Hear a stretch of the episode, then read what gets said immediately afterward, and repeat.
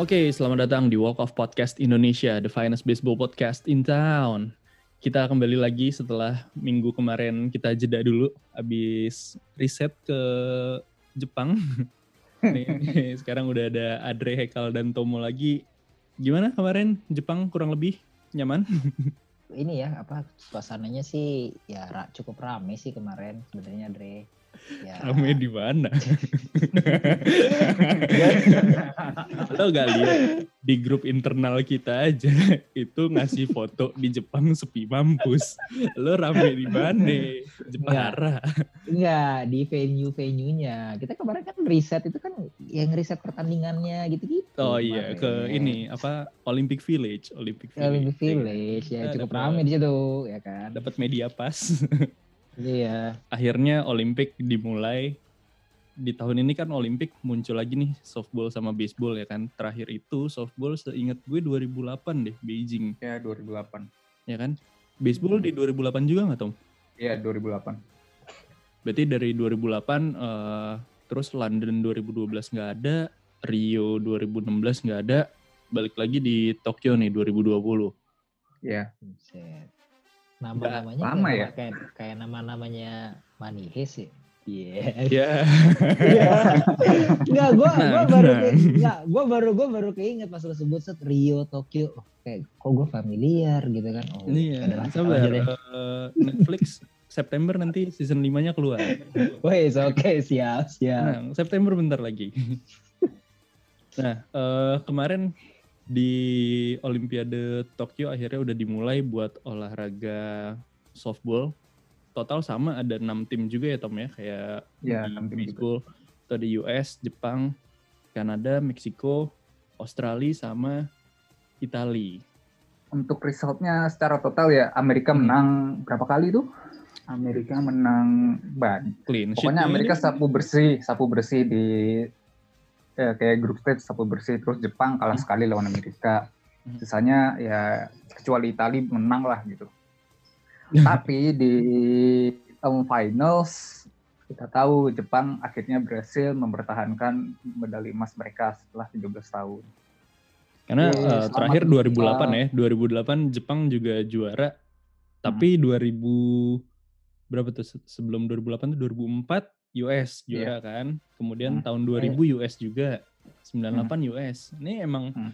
top 2-nya softball didominasi sama dua negara ini sih ya. Kemarin gue sempat ada nobar juga tuh pas final kan Jepang US. Itu hmm. mayan alot juga se seingat gue skornya itu baru baru scoring di akhir, seingat gue ya. Iya. Yeah. Baru scoring tuh dia dua inning terakhir tuh baru ada pergerakan dari Jepang si Ueno-nya juga akhirnya di re-entry dari uh, ketika dia starting sampai di inning 5 apa namanya? 5 singkat gue deh. 5 5 5 ya. 5 5 dia, dia uh, keluar dulu terus akhirnya hmm. ditutup lagi dengan re-entry. Dan ternyata kalau hmm. di softball itu re-entry diperbolehkan nih. Hmm. Dengan catatan ya yang re-entry adalah pemain yang masuk di starting line up. Hmm.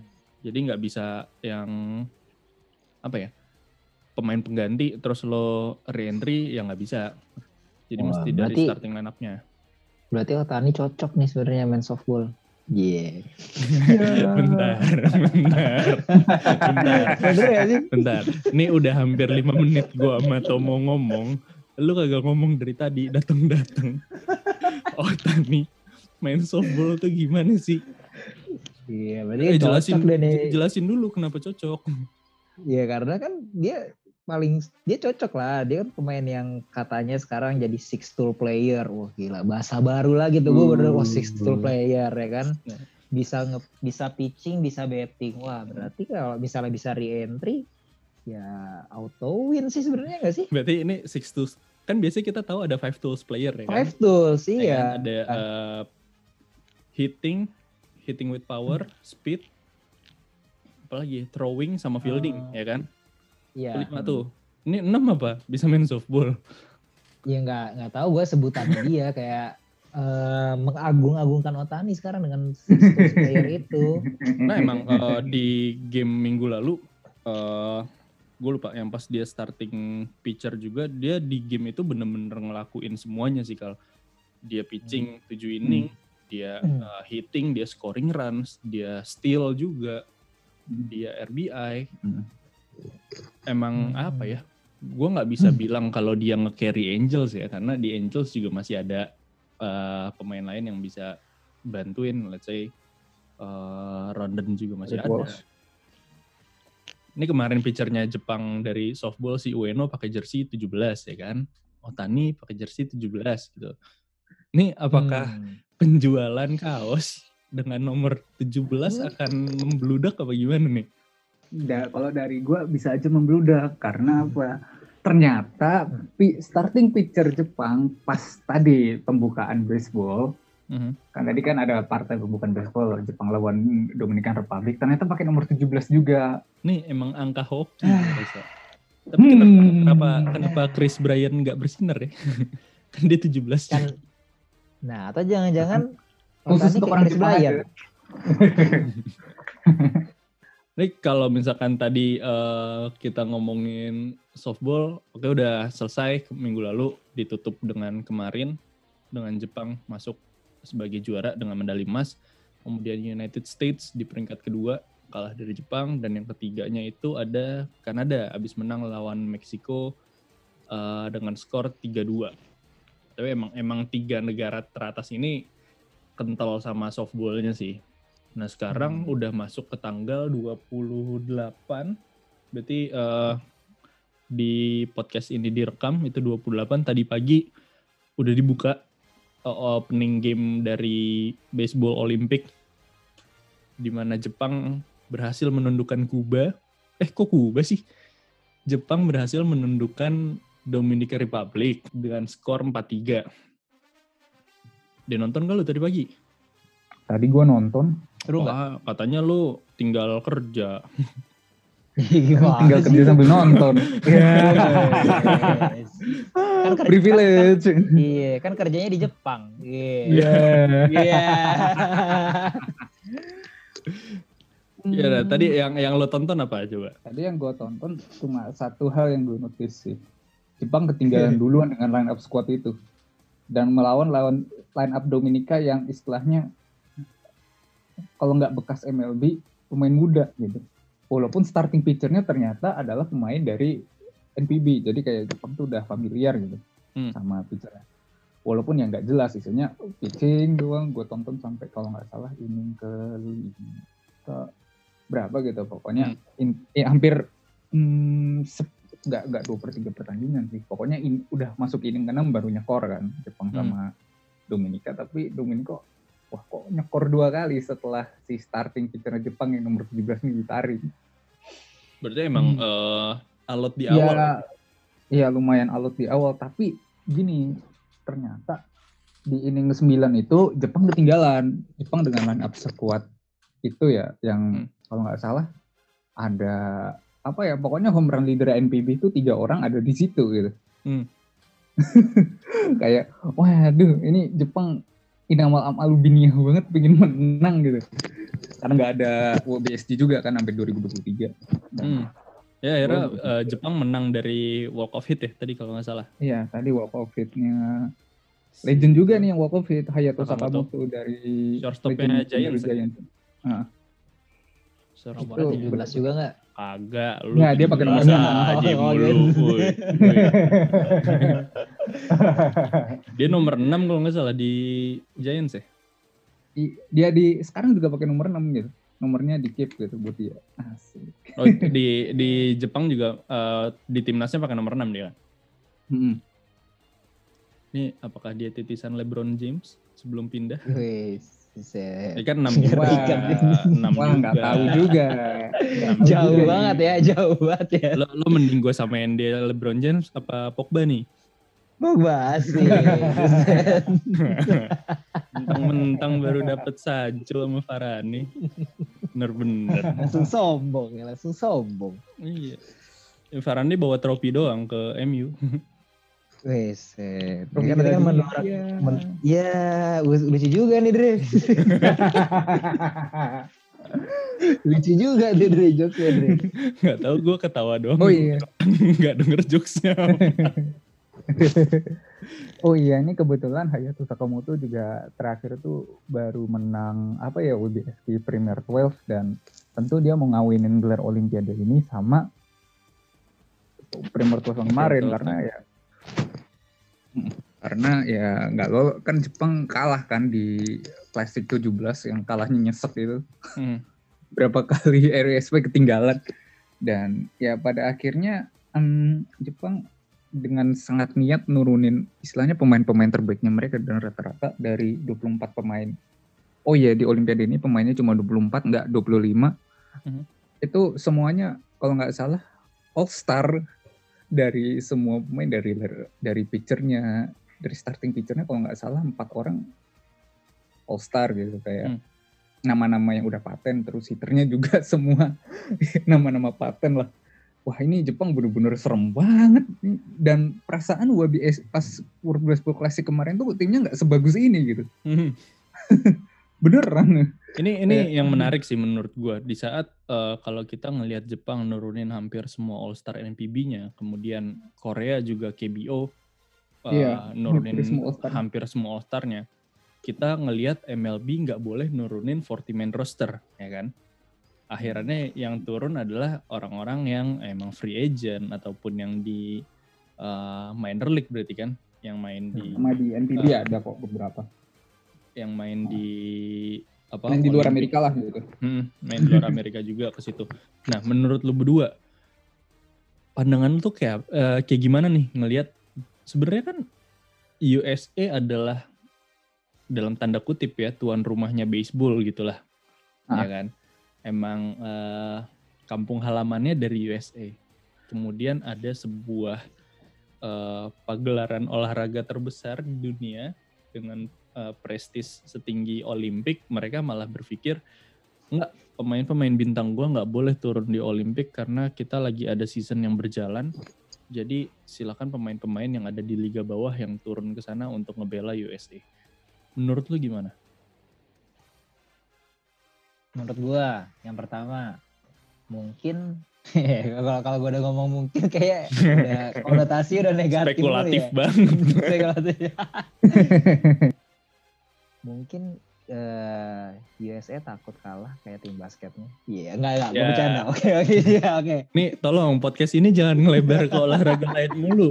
Oke oke oke oke. Oke oke gimana ya kalau menurut gue sebenarnya hmm, mungkin untuk lebih fair aja kali ya. Karena kalau misalnya uh, pemain-pemain yang di MLB ikut semua dan dibolehin semua gitu menurut gue sih akan kurang seru ya. Karena akan pasti lebih mendominasi banget sih dan lebih apa ya lebih kayak banyak opsi-opsi pemain yang untuk dipilih gitu loh. Jadi kayak misalnya uh, better 1 sampai 5 itu udah banyak banget pilihannya dan bisa dipastikan semuanya jago gitu. Tapi di satu sisi ada poin minusnya juga sih menurut gua kalau memang di Olimpiade ini salah satu yang dituju itu adalah untuk uh, agar semua mata memandang juga misalnya promosi gitu-gitu hmm. Ya menurut gua sih seharusnya pemain-pemain yang fame-nya lagi naik-naik kayak gini ya apalagi tim-tim apalagi pemain-pemain US ya diikutsertakan gitu loh kalau itu yang dituju cuman gue lihat lebih ke arah untuk supaya bisa lebih seimbang aja sih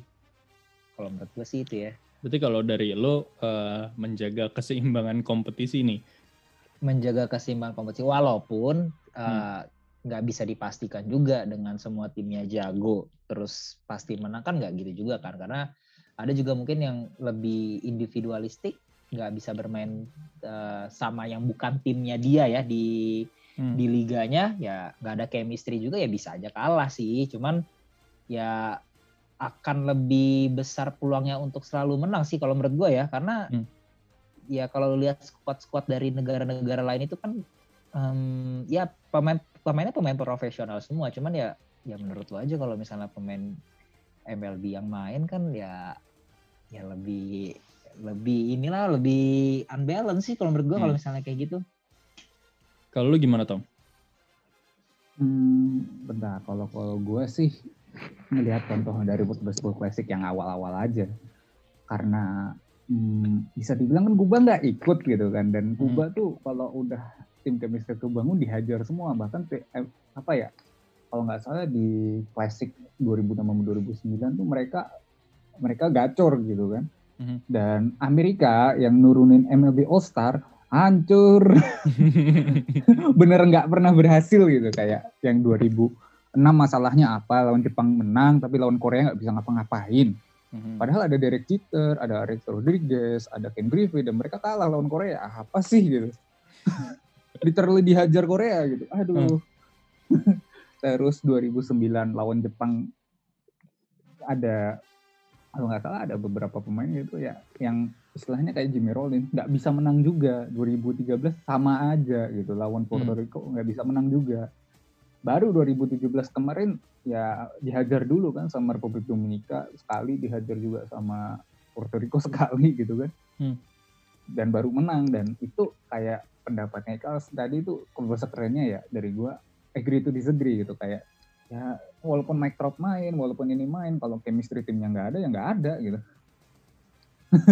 ya, Dan bisa, apa ya kayak lu naruh Bryce Harper, Betts dan bisa jadi si ini tim belum tentu lu bisa menang gitu. Kalau kalah ya kalah, kalau kalah dibantai ya kalah dibantai aja, kalah bersiru ya nggak nanggung paling di paling di ini dipermalukan kayak alah lu nggak ternyata emang nggak bisa setim nih nih orang harus bermain dengan sistem tertentu atau bla bla bla Uh, tapi uh, yang di sisi lain ya ruginya itu tadi yang benar kata Eka kalau nggak ada ada exposure dan itu kan hmm. sebenarnya jadi masalahnya baseball di Olimpiade 2004 gitu karena Amerika nggak lolos. Yeah. Kenapa yeah, lawannya yeah. Kuba yang amatir gitu? Iya iya, gue setuju sih. Tapi sebenarnya gini, ya bener yang dibilang sama Tomo. Gue mau nambahin sih. Uh, tapi kalau kalau kita bisa coba bayangkan ya, misal gue kita ambil kita ambil contoh aja deh rosternya untuk yang USA ini kita ambil dari pemain MLB yang sekarang lagi aktif-aktifnya ya. Contoh yang paling simple aja deh, starting pitchernya kita uh, pick uh, The Grom misalnya. Hmm. Ya secara di atas kertas sih menurut gue. Uh, win percentage-nya udah 75% 80% sih untuk lawan tim-tim yang ada di sini gitu loh Dre. Kalau menurut gue ya hmm. untuk dari starting pitcher-nya. Nah, sekarang kita kombinasiin starting pitcher-nya yang mirip-mirip sama The Grom uh, terus reliever-nya juga seperti itu dan uh, untuk betting line up-nya tuh ya yang memang uh, team player gitu loh. Menurut gue hmm. akan sangat besar banget sih. Ya oke okay lah emang secara historis itu selalu ada kejadian ya uh, super team kayak apa ya? Kayak semacam jinx gitu nggak sih? Kayak super tim kalah tuh merupakan doa semua orang gitu nggak sih? Apalagi yeah. misalnya ya, ya kan? Ya nggak sih? Dan yeah, yeah. dan mungkin dan dan dan kalau kita uh, gini kalau misalnya tadi gue bilang itu memang dari segi kayak marketing exposure-nya itu jadi menurun karena USA nggak menurunkan top playernya tapi di satu sisi juga ketika mereka turunkan top playernya mereka kalah ya di situ juga ada marketingnya. Jadi kayak uh, wah gila ada tim misalnya Israel ngalahin pemain-pemain yeah. MLB. Malah jadi bad PR gitu ya. Iya, dan dan itu pasti bakal jadi headline sih menurut gua ya. Ya, ya, ya, ya jangan kan kayak begitu. Yang kayak sekarang yang turun aja kalau misalnya kalah udah pasti jadi headline. Apalagi sekelas misalnya uh, pitchernya siapa misalnya The Grom gitu atau Gerrit Cole ya kan gue selalu dibilang gue bela-belain saya misalnya Gerrit Cole gitu hmm. pitchernya kalah gitu misalnya sama apa di sini pilihannya Hmm. Kalah sama Korea lah gitu. Sama Korea gitu kan. Tapi Korea hmm. jago sih Tom. Ya oke okay lah. Sama, sama, sama itu. iya jago sama Israel deh misalnya sama Israel gitu kan. Ya, itu udah pasti kayak apa ya? Uh, jadi bulan-bulanan. Jadi, gitu. jadi bulan-bulanan dan juga gue nggak tahu ini bener apa enggak tapi uh, mungkin ini yang menjadi salah satu antisipasi dari manajer-manajer di tim atau juga dari asosiasinya kali ya kalau misalnya hal ini terjadi kira-kira dampaknya mereka itu nanti ketika balik lagi ke timnya ya maksudnya ini ngebela negara loh coy dan lu misalnya hmm. kalah sama tim yang yang kalau kita bilang pertandingannya tuh nggak seru dalam arti misal dia lawan uh, Dominican Republic gitu misal hmm. pemain jago-jago dan matchnya seru dan kalah misalnya cuma satu poin kayak udah terlihat lah nih USA bener-bener uh, membela negaranya gitu ya ya it, hmm. it's okay lu akan uh, pulang ke tim lu masing-masing dengan kepala tegak gitu kan. Cuman kalau misalnya lu kalahnya dibantai gara-gara error gitu-gitu, lu balik ya ada kemungkinan malah dicak-cakin gak sih? Kayak aduh lu nggak bener banget coy bela negara lu udah lu main di klub aja lah. Biar yang biar yang nggak fame aja yang main. Kalau kalah pun ya udah orang juga lebih gampang melupakan. Gitu sih. Yang kata itu hanya opini aja ya. Hmm. ya oke. Okay. Good dan juga kemungkinan ya mungkin deh buat Adel Michael kalau pemain MLB itu paling kenapa nggak dipanggil juga karena khawatir cedera gitu. Kalau tiba-tiba hmm. cedera, tiba-tiba misalkan hmm, anggap aja si Tracking Bro dipanggil kan dia kan trade ini kan trade bisa jadi trade tiba-tiba lagi hmm. ngecover base diselengkat gitu kan tiba-tiba out sampai musim depan itu hmm. itu gimana itu itu juga jadi masalah gitu sama kebugaran iya. paling ya Iya, eh, iya Tom. Tapi ya gimana ya kalau menurut gua kalau udah masalah bela negara kayak gitu, wah biar bela negara. Bela negara. Bela, bela, bela, mau bela negara, bela negara kayak gini. Ospek lu kampus lu. Iya. bela negara gini, lu lu pasti bakalan selalu dilema gitu. Sebenarnya nggak ada jawaban yang benar, nggak ada jawaban yang salah. Tergantung lu mandangin dari uh, perspektif mana nggak sih? Kayak misalnya, hmm. lu bilang uh, uh, apa uh, supaya menjaga kebugaran pemain, menghindari cedera segala macam. Orang yang pro pasti akan bilang, ini membela negara coy. Lu mengesampingkan lu membela negara sementara Amerika kita kenal dengan wah militernya gila-gilaan hmm, membela negara. Mereka patriotisme gitu banget ya kan. Ya apakah lu tega untuk meninggalkan uh, kewajiban lu untuk membela negara demi main di tanda kutip tim ya, maksudnya yang ya ya ya prestis sih. Cuman ini negara coy yang lu bela nah, seperti itu kan. Ya kebalikannya juga mungkin bagi uh, fans-fans yang bener-bener fanatik banget sama timnya. Dan kebetulan sekarang timnya tuh lagi naik-naik daun gitu kan pasti mereka juga hmm. akan lebih khawatir nih aja pemain gua uh, di pick terus membela di olimpiade tiba-tiba cedera tim gua nggak jadi World Series Champion kan ya sedih juga sih. Ya ya ya tergantung dari sudut pandangnya aja sih kalau menurut gua. Nggak ada yang salah nggak ada yang benar juga sih. Berarti emang uh, plus minus banget lah ya masalah plus minus banget ya pemain-pemain yang dalam tanda kutip pemain-pemain bintangnya MLB tidak turun di sini. Iya. karena uh, sebenarnya kalau kita ngomongin pemain bintang di MLB kan kita nggak cuma ngomongin pemain uh, eh, US aja kan pemain-pemain yeah. uh, Jepang dan Korea yang ada di 40 man roster di MLB juga nggak boleh main. Let's say kalau di Jepang hmm. kita yang ngomongin Shohei Otani nggak bisa, kemudian siapa tahu pitchernya Marin, ya Kikuchi juga nggak bisa turun. Kemudian hmm. kalau kita ngomongin Hirokazu Sawamura juga. Korea juga ada Jiman Choi nggak bisa turun, hmm. yeah. masih di race. kalau itu semua bisa turun, ya gue yakin ya rata lah maksudnya nggak cuma menguntungkan untuk United States doang tapi dia juga menguntungkan untuk negara-negara lain kayak di Dominican Republic kan sebenarnya masih banyak yang yang nggak bisa banyak. yang nggak bisa turun hmm. karena 40 man roster ya kan hmm. cuma uh, eh, gue sempat baca juga uh, ngutip dari gue lupa sumbernya apa waduh nggak bisa gue kutip dong ya kalau gue lupa sumber. Yes. Sumbernya apa nih? Nanti nyari nyari validasi dulu gitu. Jadi gue pernah baca uh, Bryce Harper itu pernah bilang kalau dia tuh sebenarnya pengen banget ikut Olimpik. Dia hmm. dia sampai hmm. mempertanyakan bahwa ini MLB kenapa sih? Apakah sebegitunya kah kalian harus nyari duit dari season ini?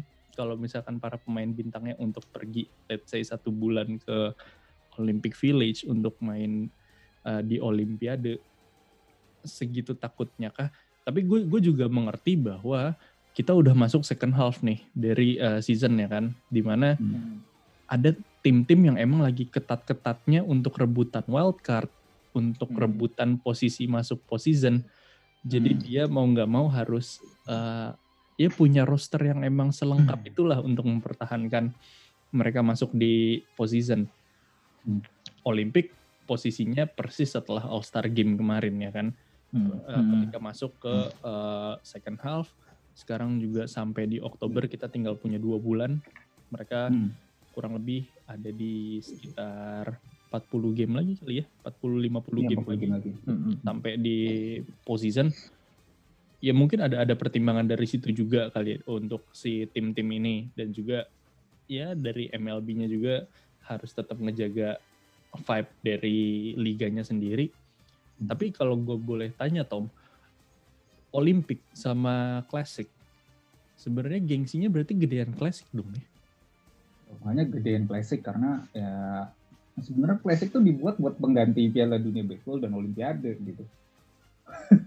karena kan uh, Classic ah, dibentuk iya juga. ya 2006 tuh gimana ya kan 2006 mereka ngantisipasi nggak ada dua turnamen itu kan dua turnamen hmm. olimpiade di hmm. London sama di Rio kan makanya 2009 ada klasik terus 13 ada klasik dan 17 17 ada klasik, ada klasik.